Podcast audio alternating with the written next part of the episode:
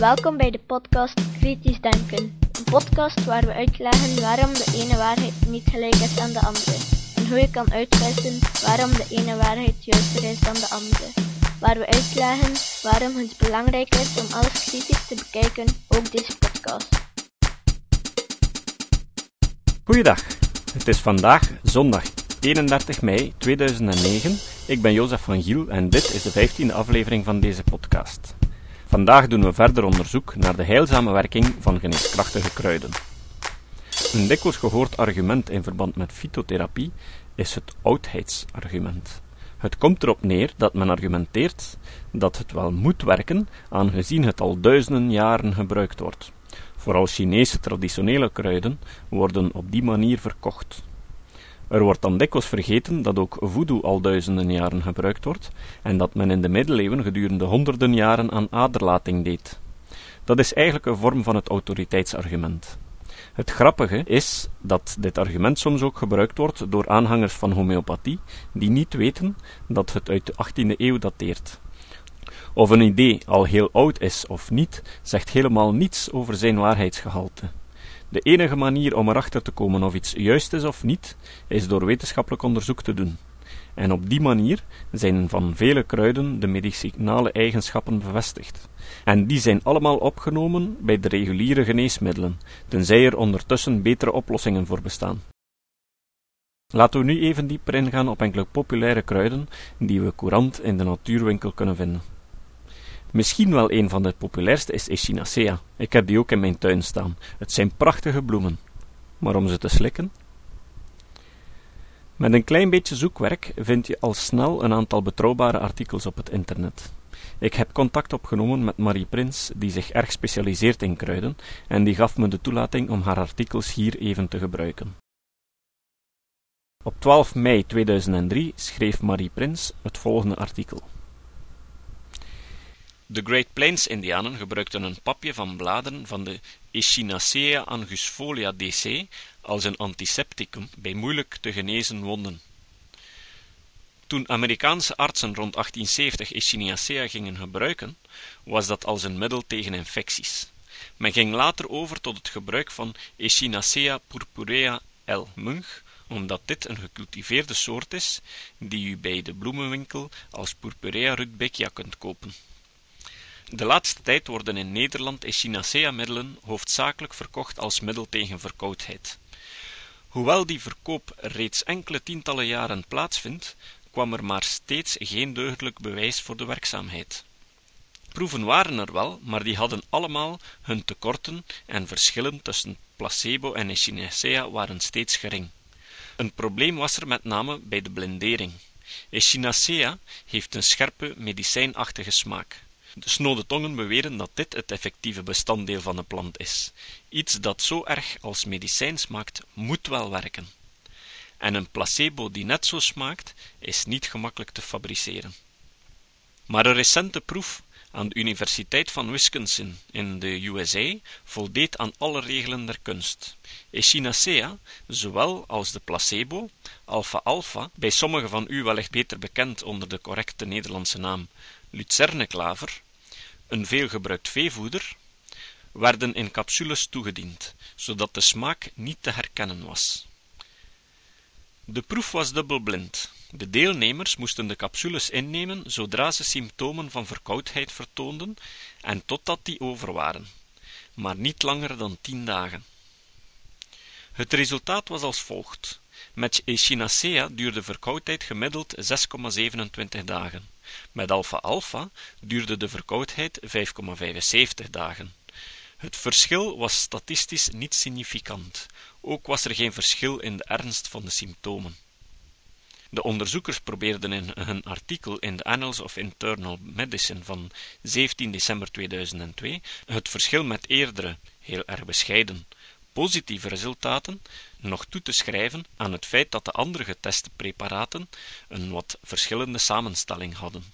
Maar Journal Watch, het nieuwsblad dat wordt uitgegeven door de redactie van de New England Journal of Medicine, besloot een bespreking van deze proef als volgt.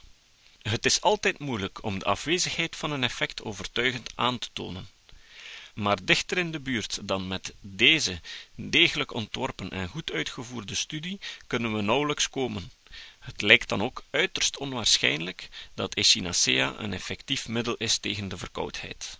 Dat stond in de Journal Watch van 11 februari 2003. Een jaar later, op 13 januari 2004, kon Marie Prins alweer een nieuw artikel schrijven, met de titel Echinacea en kinderen met verkoudheid, niet werkzaam, wel bijverschijnselen. Eerder bespraken we een studie uit 2002 van de Universiteit van Wisconsin. Die liet zien dat Echinacea niet werkzaam is bij verkoudheid. Een nog veel grondiger onderzoek werd in de staat Washington gedaan, met kinderen van 2 tot 11 jaar.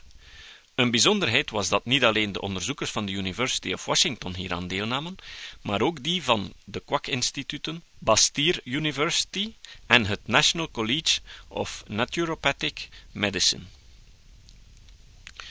Het veelgehoorde verwijt dat negatieve uitslagen voor Echinacea het gevolg waren van de vooringenomenheid van de onderzoekers, hetgeen overigens natuurlijk evenzo zou gelden voor positieve uitslagen, kan bij dit onderzoek dus niet langer opgaan. Er namen 407 kinderen aan deel die gedurende de vier maanden van het onderzoek tezamen 707 infecties aan de ademhalingsorganen hadden. Getest werd een siroop met Echinacea purpurea, terwijl dezelfde siroop zonder Echinacea als placebo diende. Aan het einde van de studie bleek dat de ouders niet konden bepalen welke van de twee siropen hun kinderen gekregen hadden. Men keek naar gegevens zoals de hevigheid en de duur van de symptomen, het aantal dagen met koorts en de schatting van de ouders van de ernst van de symptomen. In geen daarvan was ook maar enig verschil tussen Echinacea en het placebo te bekennen. Wel was er een belangrijk verschil in de bijverschijnselen. Van de kinderen die met placebo behandeld werden, kreeg 2,7% met huiduitslag en jeuk te maken, maar bij Echinacea-gebruikers was dat 7,1%. Dit verschil was significant. Echinacea behoort tot de asterachtigen, en allergische reacties komen bij deze plantensoort relatief veel voor. Van Echinacea zelf was dit ook al bekend. Er is zelfs een geval van anafylaxie beschreven in Australië, waar de bijverschijnselen van alternatieve middelen bijgehouden worden. Anafylaxie is een snelle en ernstige allergische reactie. De duidelijke conclusie is: Echinacea is geen aanrader voor kinderen bij griep en verkoudheid. Het baat niet, maar voor een niet te verwaarlozen aantal kan het wel degelijk schaden. De oorspronkelijke bron van dit artikel van Marie Prins is The Journal of the American Medical Associations, volume 29, nummer 21 van 3 december 2003, bladzijden 2824 tot 2830. En ja hoor, Echinacea, het wordt blijkbaar zeer goed onderzocht, want op 9 januari 2006 mocht Marie Prins opnieuw verslag uitbrengen van een onderzoek op deze plant. Er waren recentelijk al twee goede, grondige studies over de effectiviteit van Echinacea purpurea bij het genezen van verkoudheden gepubliceerd. En er bestaat ook een grondig onderzoek, geleid door de Echinacea purpurea-gelovige Dr. Calabrese, over het voorkomen van verkoudheden door het innemen van een middel gebaseerd op deze plant. De eerste twee gaven geen verschil tussen Echinacea purpurea en een placebo, of een foppil. Bij de derde proef werden de Echinacea-gebruikers waarachtig vaker verkouden dan de mensen die de foppil slikten. De fabrikant van het betreffende middel heeft tot nu toe de publicatie van deze laatste resultaten weten tegen te houden. Weliswaar wordt Echinacea purpurea het meest gebruikt, maar het is eigenlijk strijdig met het geloof in natuurlijke geneesmiddelen. Echinacea purpurea is namelijk een gekweekte soort die u als rudbeckia bij de bloemist koopt. De wortel van de originele wilde Echinacea angustifolia, die de indianen uitwendig gebruikten voor het ontsmetten van slecht genezende wonden, zou eigenlijk je ware moeten zijn. Een internationale ploeg afkomstig uit Oostenrijk en de Verenigde Staten heeft nu een uitgebreide test gedaan met deze plant. Drie verschillende bereidingen werden getest op hun werkzaamheid bij zowel het voorkomen als het genezen van verkoudheden. Rhinovirus type 39, een verkoudheidsvirus, werd gebruikt om de proefpersonen te besmetten. De vergelijking met een placebo, de blindering en de randomisering waren voorbeeldig. De publicatie van het onderzoek in een toptijdschrift als de New England Journal of Medicine is een garantie voor de deugdelijkheid van de studie. Het resultaat was duidelijk. Er was geen verschil aantoonbaar tussen de Echinacea augustifolia en het fopmiddel. Ditzelfde tijdschrift liet er een redactionele toelichting op volgen door professor W. Sampson. Die wees erop dat er nooit een reden is geweest om enige werkzaamheid van Echinacea's bij verkoudheid te verwachten. Het gaat om een toepassing van de plant die destijds op een of andere manier in Europa is opgedoken. Hij concludeert terecht dat de verantwoordelijkheid voor het bewijs van de werkzaamheid bij de fabrikanten ligt, die er immers uitstekend aan verdienen. In mei 2006 publiceerde Martijn Terborg op de website van de Nederlandse Vereniging tegen de Kwakzalverij volgend artikel. Gevaarlijke kruiden en de lever. Elke maand verschijnen er in de media en medische literatuur berichten over bijwerkingen van kruiden. Vooral voor de lever kunnen de kruiden schadelijk zijn. Uit recentelijk onderzoek komt naar voren dat een belangrijk deel van de patiënten kruiden gebruiken, zelfs ter behandeling van leverziekten. Van alternatieve middelen wordt vaak beweerd dat ze geen bijwerkingen hebben en dus ook niet schadelijk zijn voor het lichaam. In het verleden is maar al te vaak gebleken dat deze alternatieve middelen, en in het bijzonder kruiden, ernstige bijwerkingen en klachten kunnen veroorzaken, terwijl ook over kruiden onder de algemene bevolking vaak de gedachte heerst dat ze veilig zijn, omdat ze natuurlijk zijn. Zo werd België in het begin van de jaren 90 opgeschrikt door ernstige nierproblemen bij meer dan 70 mensen die Chinese kruiden hadden gebruikt om af te vallen. Verder kunnen kruiden ook nog de werking van reguliere geneesmiddelen beïnvloeden. Bekend is vooral de interactie tussen Sint-Janskruid, Hypericum perforatum, en een bepaalde chemotherapie tegen dikke darmkanker, waardoor deze chemotherapie niet meer goed werkt. De laatste jaren lijkt er in het Westen een toename te zijn in de interesse en in het gebruik van kruidenmiddelen. Kruiden kunnen met name ook grote invloed hebben op en schade aanrichten aan de lever. Uit een onderzoek onder patiënten die een polykliniek voor leverziekten bezochten, bleek 21% kruiden te gebruiken. 13% gebruikte deze kruiden juist voor de behandeling van een leverziekte. Deze percentages kunnen bij bepaalde bevolkingsgroepen, bijvoorbeeld Chinezen, nog veel hoger zijn. In de Verenigde Staten is er tussen 1990 en 1997 sprake geweest van een extreme toename van 380% in het gebruik van kruidengeneesmiddelen. Recent werden er op het Europees Levercongres EASL resultaten bekendgemaakt van een onderzoek uit Singapore naar de oorzaken van leverfunctiestoornissen. Gedurende een jaar werden alle patiënten met leverfunctiestoornissen onderzocht die waarschijnlijk werden veroorzaakt door medicijnen. Uiteindelijk bleek 84% van deze patiënten traditionele Chinese middelen te gebruiken. Slechts 16% had leverfunctiestoornissen door reguliere geneesmiddelen. Een andere uitkomst van die studie was dat traditionele Chinese middelen vaak versneden, vermengd werden met reguliere geneesmiddelen, zoals prednissen. Er zijn veel kruidenpreparaten bekend die leverfunctiestoornissen kunnen veroorzaken, waaronder kava, gamander, nonisap en vele anderen. Het is ook belangrijk om altijd te denken aan kruidengebruik als mogelijke oorzaak van leverfunctiestoornissen.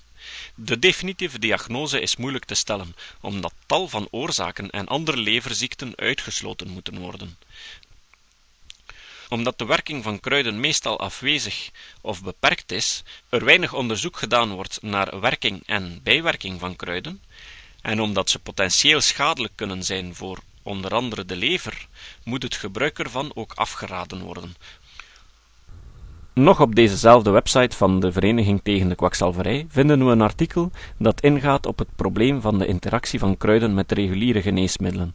Ik zal op mijn website een link voorzien naar het artikel voor mensen die twijfels hebben over kruiden en geneesmiddelen die ze momenteel zouden gebruiken.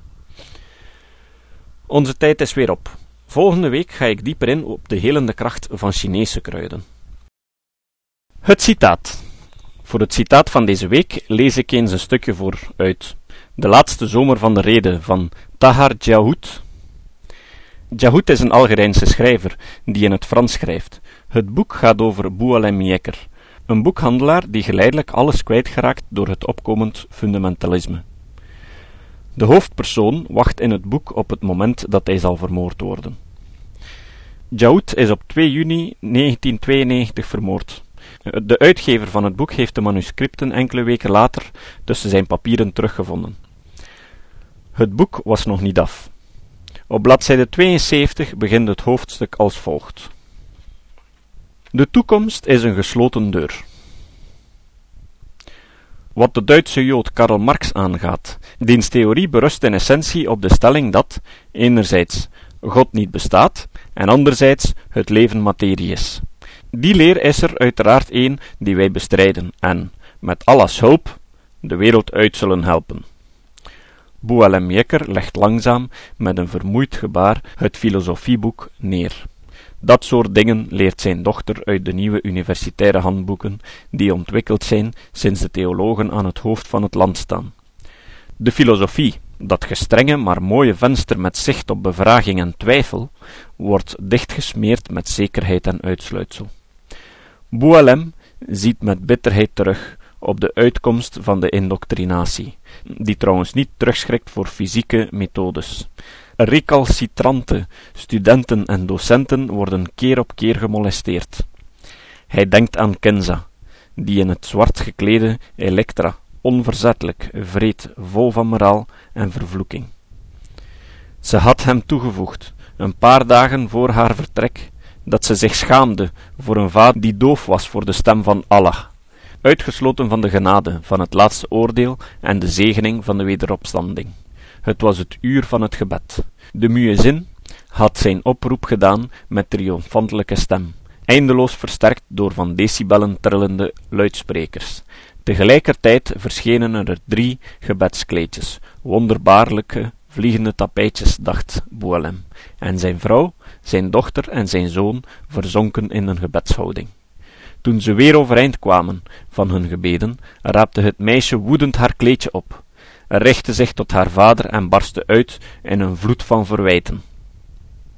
Stambeeld van vrouwen justitie, onverdraagzame, kenau ontdaan van al haar vrouwelijkheid. Ze was met de ziekte van het fanatisme besmet. Haar bovenmenselijke, onmenselijke geloof had in haar alle door verwantschap en affectie geweven banden gebroken.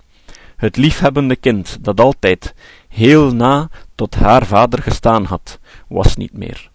Als een kokon was dat afgeworpen, door het van hogere zekerheden vervulde meisje, dat nu een pantser droeg waar de tederheid, de zwakten en de aarzeling van de ongelovige man op geen enkele manier doorheen konden komen. Tot de volgende keer. Dit was de podcast Kritisch Denken. Vergeet niet om alles kritisch te behandelen, ook deze podcast. Voor verdere informatie over deze podcast, links en voor de tekst, surf naar www.kritischdenken.info. Als je deze podcast belangrijk vindt, dan kan je me steunen door andere mensen warm te maken ook eens te luisteren. Stuur een e-mail naar je vrienden met een link naar mijn website of plaats de link in de handtekening van je e-mails. Kan me ook steunen door op iTunes deze podcast een goede beoordeling te geven of een recensie te schrijven. Of je kan op je eigen website of blog een link naar mijn website plaatsen. Hoe meer links, hoe sneller je gevonden wordt op Google. Dat kan beloond worden door een link naar jouw website bij mij.